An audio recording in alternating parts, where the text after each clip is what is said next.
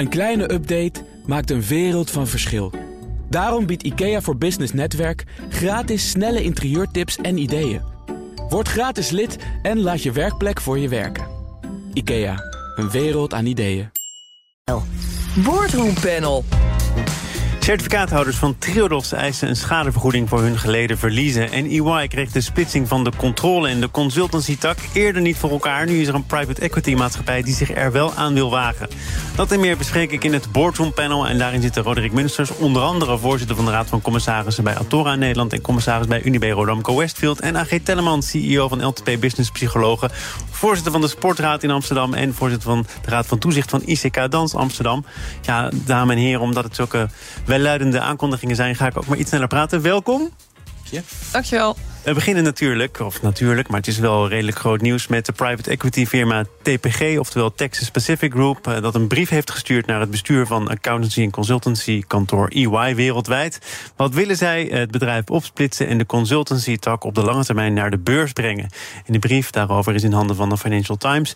Roderick, ja, het is een beetje een déjà vu, want dit komt aardig in de buurt eh, bij het plan... wat eh, EY met zichzelf van plan was. Ja, ze zullen het eh, daar zeker wel van afgeleid hebben. En ook de, de appetite van EY eh, daaruit afgeleid hebben. Maar ik begreep inmiddels dat, eh, dat EY al een vriendelijk briefje teruggestuurd heeft. Dat ze daar op dit moment geen tijd in willen steken. En dat het niet opportun is om, om hier nu mee aan de slag te gaan. Dit hoofdstuk is voorlopig even afgesloten. Eh dan komt straks een nieuwe voorzitter van EY wereldwijd. En misschien dat ze dan nog een keer naar gaan kijken. Maar wat ik zo begrijp is dat dit nu even van de tafel is. Toch nog even voor de mensen die het niet meer helemaal eh, op een rijtje hebben wat dat betreft. Want er is ondertussen alweer heel wat gebeurd. Eh, waar liep het op stuk? Dat project, de Mount Everest, meen ik, Project Everest. Het beklimmen van die bergen ergens halverwege, of laten we zeggen iets dichter bij de top. leek het er toch niet van te komen? Ja, ik ben er niet bij geweest natuurlijk, maar ehm, wat ik eh, heb kunnen lezen en gehoord heb, is dat, eh, dat het over geld gaat. Waar dingen vaak op stuk lopen. Eh, bij een splitsing moet je natuurlijk kijken wat is de waarde van de twee onderdelen. Wat is ook de toekomstige waarde van die twee onderdelen. En hoe gaan we dat met elkaar verrekenen. En naar verluid waren met name de accountants, de auditors in het Engels, ontevreden over de waarde die zij kregen toegeschoven. Ook omdat ze de waarde van met name belastingadvies veel hoger inschatten. En daar is het in Amerika met name op stuk gelopen. Ja, dat was de steen des aanstoots. Hè? Wat te doen met de belastingadviseurs. Eh, ook die zouden dan eh, verdeeld moeten worden over die twee eh, afzonderlijke takken. Maar niet, niet iedereen kreeg waar die in zijn ogen recht op had. Ja, het lijkt op een gegeven moment alleen nog een kwestie over, eh, over eh, ja, geld. Hè? En eh, hoe kom je uit deze deal en wat betekent dat voor iedereen? Terwijl de aanleiding was ook eh, vanuit een, tenminste daar ga ik dan vanuit een overtuiging dat het voor de toekomst van EY beter zou zijn om een scheiding te krijgen tussen, tussen de consultancy-tak en de accountancy-tak. Nou, ook financieel bedreven, toch? Of niet? Maar ja, en dan komt die komma. Je hebt natuurlijk te maken met een partnerorganisatie. En niet zo'n kleintje ook. Ik, heb zelf, ik ben zelf managing partner bij het Wijnster Geur geweest. En daar hadden we. Eh, nou, volgens mij is eh, EY wereldwijd meer dan 50 keer groter. Dus het is een andere schaal. Maar dat, ook dat is dan al best wel een poldermodel. Als je het bedrijfsmodel zelf wil veranderen. Laat staan op deze schaal. Ja, dat is ontzettend inge- ingewikkeld. En daar spelen natuurlijk belangen eh, van het collectief. Wat is goed voor de toekomst van het bedrijf? Waar al verschillende inzichten over waren. Maar ook de belangen van het individu. Die met hun eigen geld en verwachtingen naar de toekomst daarin zitten. Maar het is gedoemd te mislukken, zeg je eigenlijk daarmee. Nou, ik weet dat het heel moeilijk is om in een partnermodel het bedrijf, de bedrijfsstructuur zelf te veranderen. En ik denk dat, dat, ook, dat ze hier ook op stuk gelopen zijn. Ja. En Maar- ik denk ook dat je daar van vooraf heel goed over moet nadenken. Als je iets wil, als je echt het bedrijf zelf wil veranderen, hoe krijg je als je. Want volgens mij hebben ze. Eh 3000 partners, heb ik dat gelezen? Nou, echt een, heel, een hele grote groep. Dat is dan wel per land verdeeld. Dus per land moet je dan de partners eh, op, eh, ja, op één lijn Want krijgen. in, in Nederland was er wel, ja, nog niet echt officieel in stemming gebracht... maar enthousiasme voor de voorgenomen wijziging. Ja, maar ik, ik, ik heb dat ook begrepen. Dus eh, volgens mij was daar wel eh, overtuiging, dus op inhoud. En ik denk ook dat er eh, ook wel wat voor te zeggen is inhoudelijk. Maar vanuit Amerika, en dat heb ik dan ook uit de krant gelezen, is met name een nee gekomen van de partners. Ah, maar o- op inhoud, Ageet, het, het gaat er volgens mij om dat je bij die splitsing...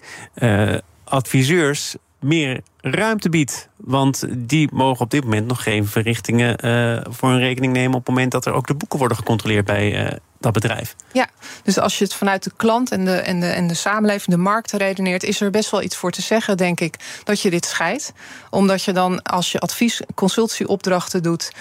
Uh, bij een bedrijf of organisatie, dan kan je dat doen... zonder dat je er last van hebt dat er mogelijk ook door, het zelf, door, ook door EY accountscontrole plaatsvindt. Dat moet onafhankelijk gebeuren. Dus je kunt niet bij dezelfde klant. Uh, je moet in ieder geval Chinese walls hebben. Maar dat is ingewikkeld, dus dat kost business. Dus dan zou je kunnen zeggen: het is beter om dat onafhankelijk te hebben. En het is misschien business-wise ook verstandig. Maar dan komt natuurlijk de vraag: wat betekent dat? Uh, vanuit het perspectief van de partners, die, uh, ja, die ook financiële doelstellingen drijven, door, die financiële doelstelling gedreven worden. Niet alleen zakelijk vanuit het bedrijf, maar ook individueel. Dan zie je het dus maar eens eh, voor elkaar te krijgen, hoor ik hier uit de mond van iemand die heeft gewerkt bij een partnerorganisatie op deze schaal. God, mogelijke klus. Nou, ja, ik denk nou, een jaar of tien geleden hadden accountantskantoor ook nauwelijks adviseurs in dienst. Het, gaat, het is ook een beetje een golfbeweging. Vervolgens hebben ze weer een grote afdeling opgebouwd, succesvol, eh, heel, heel succesvol ook financieel. Um, en het hangt natuurlijk ook samen met wet en regelgeving. Want, want je mag inderdaad niet zowel de, de accountant als een adviseur van. Nee, er komt misschien wel een periode dat het verplicht wordt om te splitsen. Exact. Er zijn al voorstellen in die richting. Exact. Dus dan, dan is het probleem ook opgelost. En dan gaat het vanzelf gebeuren. Nou, vanzelf. Dan gaat het in ieder geval eh, afgedwongen worden. Dus dat zal, kan ook maar zo gebeuren. Maar als het niet afgedwongen wordt, dan heb je dus een cultuurverandering nodig. Eh, degene die daar heilig in geloofde, de bestuursvoorzitter van EY wereldwijd, uh, heeft dat niet afgewacht en heeft ja, de aftocht moeten blazen omdat het niet gelukt is. Uh, maakt het dan veel uit wie er voor hem in de plaats komt? Kan het dan wel worden afgedwongen? Ja, misschien iemand die meer vertrouwen heeft bij de meest senior partners in de Verenigde Staten. Dat hij daar iets beter in slaagt, uh, zou kunnen. Uh, het zou ook kunnen zijn dat het model wat TPG voorstond, namelijk niet via de beurs, die volatiel is en waarbij waarderingen fluctueren, dat dat makkelijker te fixeren is en dat je daarmee rustiger de tijd kunt nemen om het uit elkaar te halen. Of dat je het in fase kunt doen. Dus er zijn wel knoppen waar je aan kunt draaien, denk ik. En de basisgedachte is, daar ben ik, daar ben ik met jou eens, is geen, gewoon geen gekke om het te doen. Nee, maar je zei wel, het draait uiteindelijk in heel veel kwesties om geld. Ook in deze zaak eh, speelt geld een belangrijke rol. Uh, van TPG kun je veel zeggen. Onder andere dat ze op een flinke zak met geld zitten. Uh, wordt dan niet alles vloeibaar als zij zeggen: Nou, wij zien wel hel in deze splitsing. Uh, we kunnen er ook voor zorgen dat degene die gecompenseerd uh, wenst te worden, ook daadwerkelijk gecompenseerd wordt. Dus laten we het nog een keer proberen, ondanks het beleefde briefje van EY terug. Nou, ik kan me best voorstellen dat er over een jaartje, als er weer een nieuwe bestuursvoorzitter is bij EY Global, dat ze, dat ze met elkaar om tafel gaan zitten. Maar, maar nu was blijkbaar de pijn nog te vers. Uh, nog geen nieuwe voorzitter. En, en is dus even afgeblazen. Ja, TPG is net iets te snel. Het kan, het kan zijn dat ze eerst willen wachten uh, tot er een nieuwe bestuursvoorzitter is. Uh, ik ben ook wel benieuwd welke mate van impact uh, dit, deze ja, ideologische strijd over wel niet en financiële strijd die daar ook mee gepaard gaat van invloed is op het selecteren van de nieuwe bestuursvoorzitter. Want ja, afhankelijk van hoe je daar zelf in zit, ga je misschien ook wel beoordelen wie daar op die plek moet komen. Dus dat speelt misschien wel mee. En ik Maakt denk... het veel uit, denk je? Die vraag die ik eigenlijk ook aan Roderick stelde eh, de oude koning is afgevoerd, leeft de nieuwe koning. En kan die voor elkaar krijgen wat zijn voorganger niet lukte? Of, of is het daarvoor toch te hardnekkig gezien ja, die dan is, dus, dan is dus de vraag van hebben wij nu echt met elkaar vastgesteld... dit is niet haalbaar, we willen rust in de tent... en we gaan hier niet mee verder. En dan zoek je denk ik een ander leider dan wanneer je denkt... nou, het is nu niet gelukt, maar uiteindelijk moet dit wel gebeuren. Dan wil je iemand die dit alsnog uiteindelijk naar de eindstreep haalt. En de partners hebben daar natuurlijk invloed op. Dus dit speelt door. En ik, ik gun EY, laat ik het zo zeggen, heel erg... dat ze even uit deze uh, inhoud, of in deze strijd komen die alleen nog maar over geld en belangen lijkt te gaan. Want ik weet zelf, kijk, bij Twijnsgerebbe is er overigens twee keer, en dat zijn lange processen, maar is het wel gelukt om een stap te zetten. Maar dat is niet te vergelijken met waar, waar de verhouding waar dit over gaat. Dat zeg ik dan dus in alle bescheidenheid. Maar ik weet wel dat als de partners heel lang met elkaar bezig zijn over de toekomst van het bedrijf, dat je ontzettend kan loszingen van de rest van de medewerkers. En dat kan een soort naar binnen gekeerd. Uh, ja, swikkie worden, zeg maar, om het zo te zeggen. En dan zegt de rest van je talent: ja, waar gaat het om? Gaat het om mij? Gaat het om de toekomst van het bedrijf? Dus het is wel belangrijk, denk ik, om echt weer even terug te gaan naar wat is goed voor de toekomst van ons bedrijf en ook voor het toekomstig talent van dit bedrijf. Ja. Laten we niet vergeten wat de klanten ervan vinden. Hè? Want die, zijn natuurlijk, die staan een beetje langs de zijlijn bij dit soort schermutselingen. Absoluut. Maar als het te lang gaat duren, als je daar te veel energie in gaat verliezen... dan zouden klanten ook op een gegeven moment kunnen zeggen... God jongens, waar zijn jullie ook alweer mee bezig voor wat mij? Wat een prachtige brug naar Triodos. Daar gaan we. BNR Nieuwsradio. Zaken doen. Thomas van Zeil.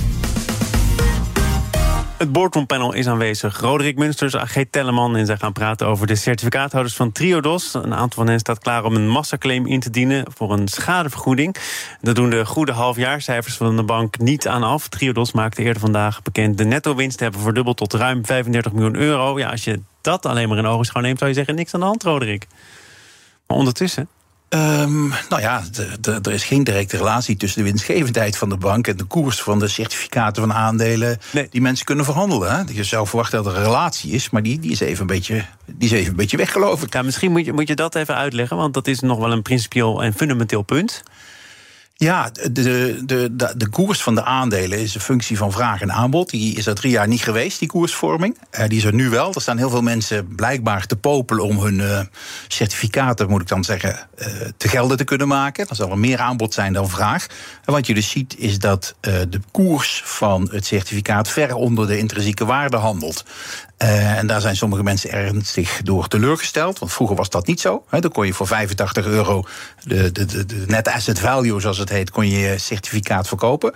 Nu niet meer. Er is nog uh, een dikke 30 euro van over. Ja, dus, dus het, het, het, certificaat handelt op een discount ten opzichte van de net asset value in jargon.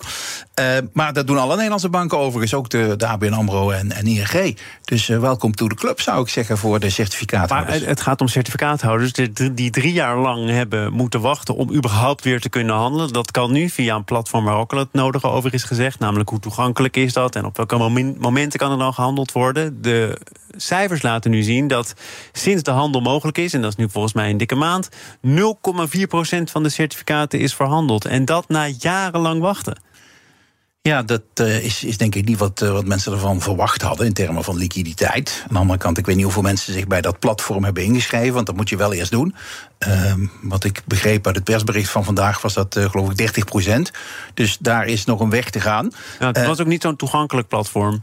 Ik, nou, ik ben zelf geen certificaathouder, nee. dus ik, ik, kan het niet uit eigen nee, maar ik ervaring... Heb, ik heb gesproken met een andere voorzitter van een andere belangenbehartiger van die certificaathouders. Oké. Okay. Ehm, het, het, was niet het, het was niet de makkelijkste optie. Nou ja, voor veel mensen die al wat langer certificaathouder zijn, die op leeftijd zijn, had allemaal wat eenvoudiger gemogen in zijn. Ik denk dat het hele proces sowieso niet de schoonheidsprijs verdient. En, en daar uh, is nu ook veel opstand tegen.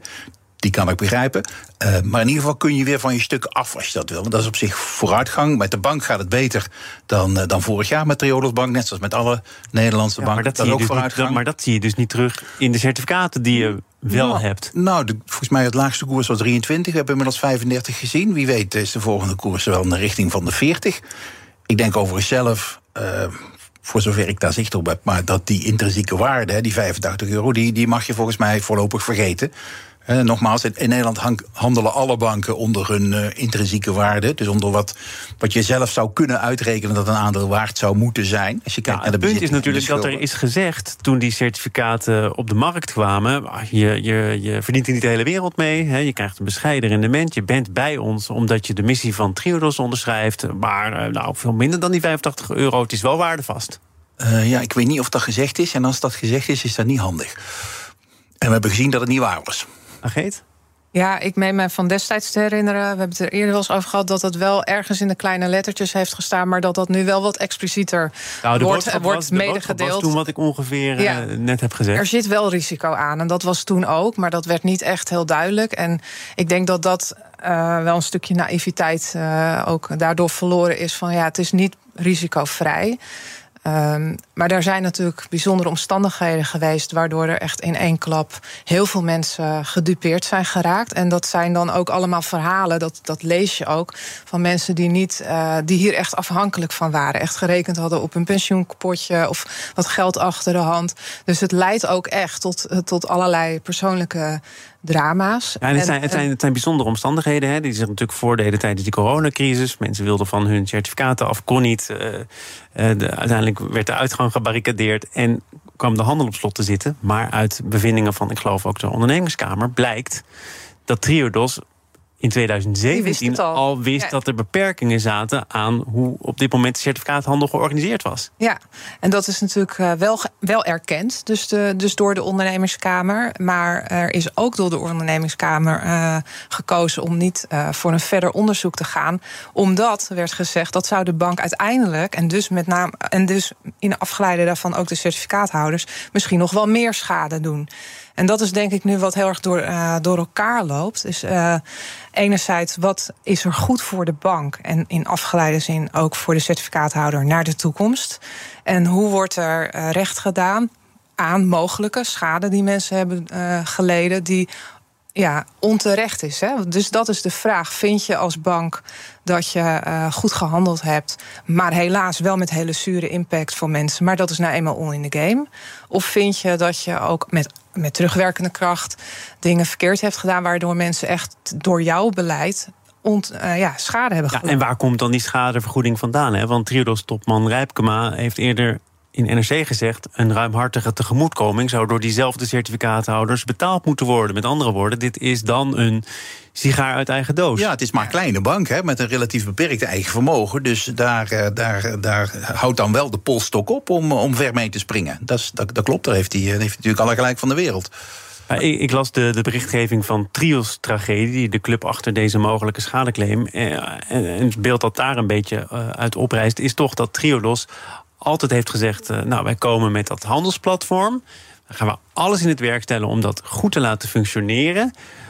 Maar mocht dat nou niet helemaal naar behoren gaan, ja, dan moeten wij toch eigenlijk ook met een plan B komen. En, ja, even kort samengevat, Triodos-tragedie zegt... er liggen nu wel heel veel eieren in datzelfde mandje van het handelsplatform. En dat mandje is nog lek ook. Het is tijd, uh, ook, dat is ons min of meer toegezegd... voor dat andere scenario. En dat is er dus niet. Nee, en ik denk dat, uh, dat het huidige management daar ook niet direct mee bezig is. Die, die zijn vanuit de doelstelling van de bank, hè, die, hele doelstelling die ze ook hebben, met de lange termijn perspectief aan het proberen om waarde te creëren voor, voor alle stakeholders van Triodos Bank. Uh, en, en daar zijn de certificaathouders er één van. Maar dat is waar ze mee bezig zijn. Ik denk op, een integere en goede manier. Een probleem uit het verleden oplossen hoort daarbij, maar dat is niet gemakkelijk. Nee, maar goed, dan, dan heeft ik deze... dat door elkaar, denk ik. Ja? Ik denk, nou ja, dat is dus het ingewikkelde ook. Ik denk dat het voor de bank, en dat, verwacht, dat kan ik me voorstellen... dat je in de boardroom van deze bank ook vooral bezig bent met... hoe genereren wij naar de toekomst toe voor alle stakeholders waarde... Uh, ja, en dan met indachtig ook de, de filosofie van de bank. En dat was ooit ook waar ook deze certificaathouders op in waren gestapt. Maar nu lijkt het alleen nog maar geld gedreven te zijn. Ik denk in de basis is, is dat nu door elkaar gaan lopen. Dus als je op de.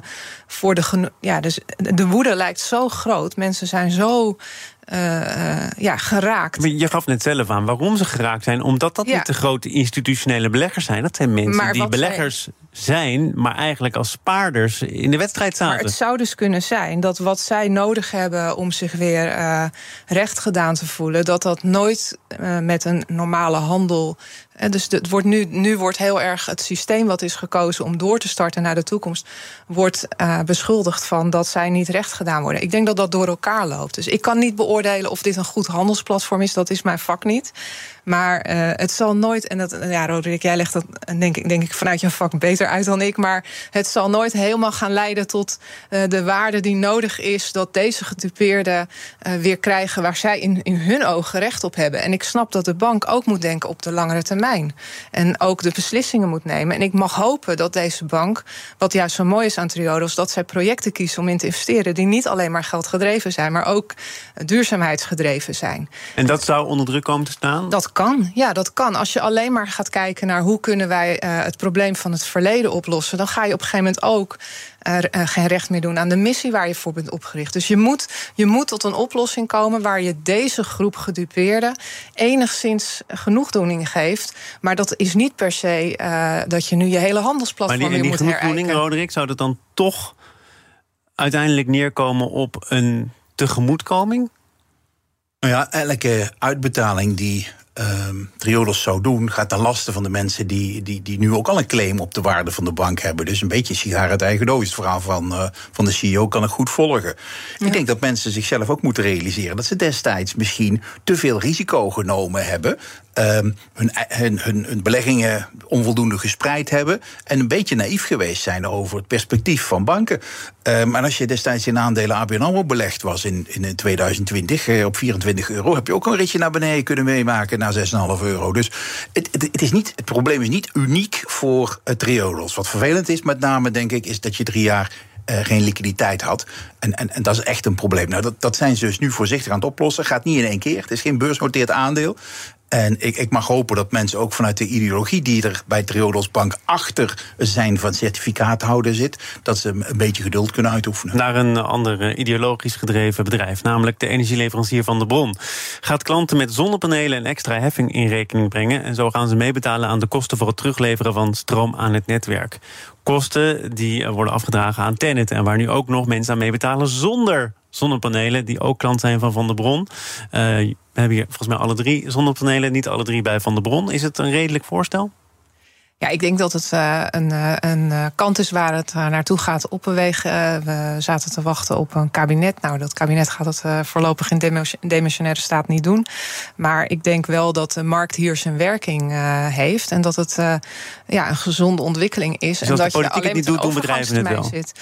Uh, nou, ik denk dat. Kijk, het gaat hier over kosten die nu uitgesmeerd worden over alle energieklanten. Uh, die eigenlijk gemaakt worden door de klanten die uh, zonne-energie terugleveren aan het net. Ja, die daar overigens duizenden euro's in hebben geïnvesteerd ja. en rekensommetjes op hebben losgelaten over wanneer het dan terugverdiend is. Dus dat is dan wel de vraag van hey, hoe, hoe doe je dat? Hoe geleidelijk en hoe snel? Dus ik begreep ook dat het voor bestaande klanten met nieuwe contracten. Je hebt natuurlijk wel een investering gedaan in die panelen. En dat, daar heb je kosten aan gehad. Dus voordat je dat terugverdiend hebt. Nou, maar je blijft er altijd nog wel iets aan verdienen. Ik denk wel, kijk, ik heb zelf ook zonnepanelen. Maar ik denk, ik denk zeker sinds de. Ik had ze net voor de energiecrisis. Uh, of eigenlijk de oorlog. Ja, dat dacht ik ook. God, wat heb ik geluk. Maar ik zie ook wel om me heen dat er heel veel mensen zijn die het zich niet kunnen permitteren om die zonnepanelen aan te leggen. Veel harder getroffen worden door de hogere energieprijzen dan ik. Dus dan denk ik, alle regelingen die er zijn die vooral de mensen die het eigenlijk toch al kunnen betalen, uh, nog eens beter uh, uh, ja, in de portemonnee stimuleren. Ten opzichte van mensen die dat eigenlijk niet kunnen. Dan denk ik, ja, ik wil best iets daarvoor betalen. Als dat dan, maar dan, dan is dat wel de komma. Dan moet dat ook wel terechtkomen bij de mensen die dus. Die, dan moet die energierekening voor de reguliere naar beneden. stroom naar beneden. Ja. Roderick, wat ik vanuit bestuurlijk opzicht interessant aan vind, is dat Van de Bron heeft gedacht: wij gaan dit nu doen. Wij zijn de eerste, met misschien in ons kielzog alle anderen. Maar wij nemen dit nu voor onze rekening. Wij halen daar ook pers mee. Wij lopen daar misschien ook een afbreukrisico mee. Zou dat allemaal een rol hebben gespeeld in de boardroom? Dat denk ik wel. Hè. Ze hebben natuurlijk een groen imago. Uh, ze leveren alleen maar groene stroom. Uh, de relatie met zonnepanelen is dan makkelijk gelegd. Wat ik begrepen heb, is dat zij ook relatief meer, een hoger percentage klanten met zonnepanelen hebben dan de gemiddelde stroomleverancier.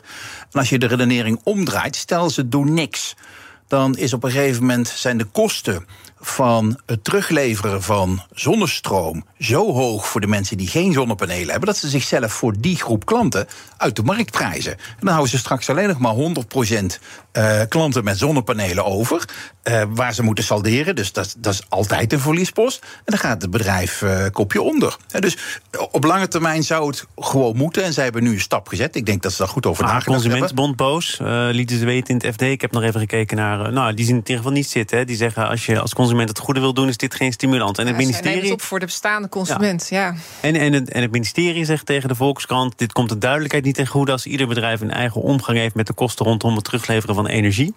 Uh, met andere woorden, je wordt niet alleen maar met open armen ontvangen. Nee. Dat, dat, dat moet je goed incalculeren. Zeker. Hè? Dus, dus ik kan me ook voorstellen als jij zelf een investeringsanalyse gemaakt hebt voor je zonnepanelen. en dan je wordt hiermee geconfronteerd dat je nog een keer moet slikken, absoluut. Aan de andere kant. Want jij hebt ook het maximaal op je dak gelegd, toch?